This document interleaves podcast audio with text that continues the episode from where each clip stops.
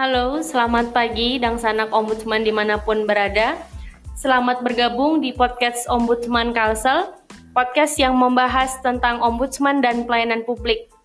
Bersama saya, Zayanti Mandasari, dan Sopian Hadi, Koordinator Tim Pencegahan Ombudsman RI Perwakilan Kalimantan Selatan. Pagi ini kita akan membahas tentang ombudsman. Selamat pagi Mas Sopian. Pagi Mbak Jayanti, pagi juga eh, dan sanak ombudsman di mana pun berada. Ya, Mas Sopian, kita ingin tahu nih, sebenarnya ombudsman itu apa sih? Ombudsman itu adalah lembaga negara pengawas pelayan publik yang eh, diselenggarakan oleh penyelenggara negara dan pemerintahan. Kemudian ada BUMN, BUMD, swasta atau perseorangan yang menggunakan dana APBN atau APBD. Nah, mereka-mereka itu e, bisa kita awasi kalau ada laporan menyangkut keluhan pelayan publik bisa dilaporkan ke ke ombudsman. Kenapa namanya ombudsman, Mas Sopian? Kalau boleh tahu nih, agak susah nih didengar dan diucapkan di telinga orang Indonesia nih. Iya, ombudsman ini diadopsi dari negara Skandinavia yang pertama kali mendirikan ombudsman Makanya eh, 120 negara yang menggunakan yang mendirikan lembaga ombudsman namanya ombudsman juga. Pernah dulu eh, di kita di Indonesia di mencari padan katanya kira-kira ada 90 padan kata eh, tentang ombudsman itu. Jadi karena kita menganut memakai prinsip ombudsman di Swedia makanya eh, kita menyamakan nama lembaga ombudsman tadi dengan negara asalnya. Apa urgensinya ombudsman ini ada di Indonesia, Mas Sofian?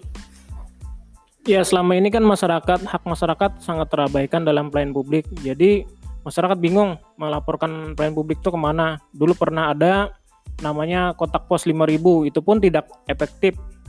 Yang dulu dikelola oleh KSP, Kemudian ada beberapa pengaduan internal yang dikelola oleh SKPD terkait. Nah, itu juga tidak jalan. Makanya eh, negara memandang eh, perlu lembaga eksternal untuk mengawasi penyelenggaraan pelayanan publik yang independen. Tadi Mas Sopian menyebutkan ombudsman ini adalah lembaga pengawas eksternal gitu ya. Nah, apa bedanya ombudsman dengan lembaga pengawas-pengawas lainnya?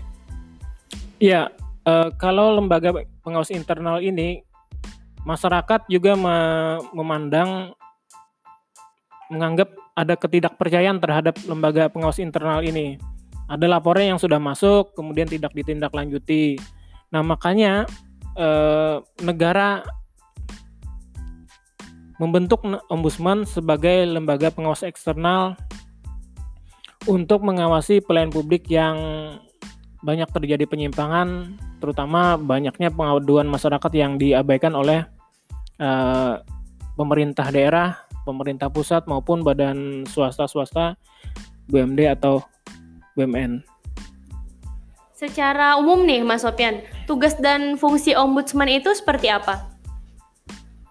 Ya, ombudsman tugasnya uh, menerima uh, laporan masyarakat ketika masyarakat ada keluhan tentang pelayanan publik, maka ombudsman akan menindaklanjutinya. Kemudian uh, ombudsman juga mempunyai kewenangan untuk memberikan saran ketika ada sebuah peraturan atau perda undang-undang uh, ketika itu berpotensi maladministrasi maka ombudsman menyampaikan saran kepada kepala daerah Kalau untuk masyarakat nih, Mas Sopian, uh, apa aja sih supaya masyarakat tahu nih apa aja bidang-bidang yang bisa diawasi oleh ombudsman? Ada banyak lingkup pelayanan publik di Undang-Undang Pelayanan Publik sekitar 20 lingkup tentang pelayanan publik. Nah, misalkan bidang kesehatan itu bisa dilaporkan ke ombudsman, pertanahan, kepegawaian, kesehatan, infrastruktur dan Pokoknya lingkupnya sepanjang dia menggunakan dana APBN atau APBD, maka itu menjadi kewenangan ombudsman. Masyarakat bisa melaporkan ketika ada penyimpangan terhadap uh, pelayanan yang diberikan. Kalau untuk masyarakat nih, Mas Sopian, kalau mengalami yang uh, tindakan yang tadi seperti Mas Sopian sampaikan tidak dilayani, itu bagaimana tuh bisa melaporkan hal-hal yang dianggapnya tidak pantas atau tidak enak tuh kepada ombudsman? Caranya seperti apa? Ya, masyarakat harus uh, melampirkan atau menyampaikan fotokopi KTP-nya, kemudian uh, ketika dia dikuasakan maka uh, si pelapor tadi harus memberikan surat kuasa. Menyampaikan surat kuasa, kemudian menyampaikan bukti-bukti pendukungnya. Misalkan uh, kalau kita ngurus sertifikat, ada bukti kita pernah daftar. Nah, seperti itu. Kemudian yang ketiga menyampaikan kronologi kronologi lengkapnya ke ombudsman. Jadi kalau misalkan ada yang tidak bisa baca tulis bisa datang langsung ke ombudsman nanti asisten ombudsman yang akan mencatatnya. Kemudian yang keempat, masyarakat harus menyampaikan terlebih dahulu aduannya kepada SKPD yang dilaporkan atau instansi yang dilaporkan. Jadi harus komplain dulu dia.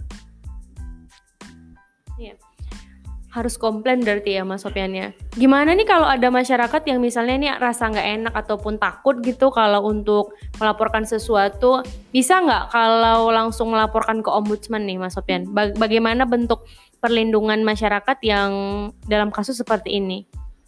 Ya di ombudsman kalau ombudsman memandang perlu masyarakat itu dirahasiakan maka laporannya kita bisa rahasiakan. Misalkan uh, ada pungli Nah, nggak mungkin kan kalau mereka lapor dulu ke instansinya. Nah, laporan-laporan seperti itu bisa langsung disampaikan ke Ombudsman Kalsel. Secara umum nih, Mas Sopian, biasanya bagaimana tindak lanjut Ombudsman terhadap uh, laporan ataupun pengaduan masyarakat yang sudah disampaikan? Ada beberapa mekanisme yang kita gunakan. Misalnya, pertama uh, kita memanggil instansi yang dilaporkan ada kedua kita bisa juga memberi meminta penjelasan melalui surat yang ketiga kita bisa melakukan apa investigasi langsung ke objek yang dikeluhkan. Keempat kita bisa melakukan mediasi antara si pelapor dengan dengan terlapornya. Kalau untuk ombudsman sendiri eh, Mas Sopian Hadi kalau di Indonesia ini apakah sudah tersedia di seluruh daerah? Ombudsman sudah ada di 34 provinsi di Indonesia termasuk di yang terakhir kemarin di Jakarta, Provinsi DKI Jakarta. Jadi eh, dengan adanya perwakilan ombudsman ini masyarakat jadi mudah tidak perlu lagi ke menyampaikan laporan ke Jakarta. Cukup di di perwakilan terdekat. Kalau untuk kita nih di Kalsel kan letak e, daerahnya kan lumayan jauh nih. Ada nggak alternatif lain untuk masyarakat yang mau mengadukan selain datang langsung ke kantor ombudsman? Bagaimana caranya, Mas Sofian? Ya, kantor ombudsman alamatnya di Jalan Esparman nomor 57 Banjar 57 Banjarmasin. Nah, ketika masyarakat yang di daerah pedalaman bisa mengakses melalui email kita di pengaduan dot ombudsman go id kemudian ada WA kita di 0811 165 3737 0811 165 3737 nah itu yang cara paling praktis di tempat kita melalui WA atau telepon. Ya bagi masyarakat, menarik sekali informasi yang disampaikan Mas Sopian Hadi tadi. Siapa pun yang mengalami eh, tindakan-tindakan uh, yang tidak sesuai dengan prosesnya bisa berkonsultasi ataupun melaporkan ke Ombudsman baik di kantor Ombudsman di Jalan Es Parman nomor 57 ataupun di nomor pengaduan yang sudah disampaikan Mas Sopian ataupun media sosial seperti Instagram Ombudsman uh, Ori Kalsel ataupun di Facebook Ombudsman RI Perwakilan Kalsel. Ini sebagai penutup nih, ada yang mau disampaikan oleh Mas Sopian Hadi? Ya, kami ada punya media sosial Instagram Ombudsman Kalsel, kemudian ada Facebook Ombudsman Kalsel. Silakan bagi dan sanak Ombudsman untuk memfollownya untuk mengetahui informasi-informasi terbaru tentang seputar ombudsman. Ya, terima kasih Mas Sofian uh, untuk kesempatan pada pagi hari ini. Demikianlah Dang Sanak Ombudsman uh, podcast Ombudsman Kalsel hari ini membahas tentang ombudsman membahas tentang ombudsman.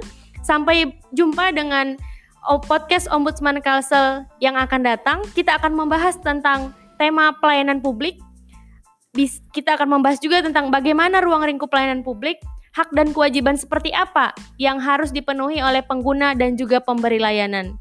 Sekian, Assalamualaikum warahmatullahi wabarakatuh.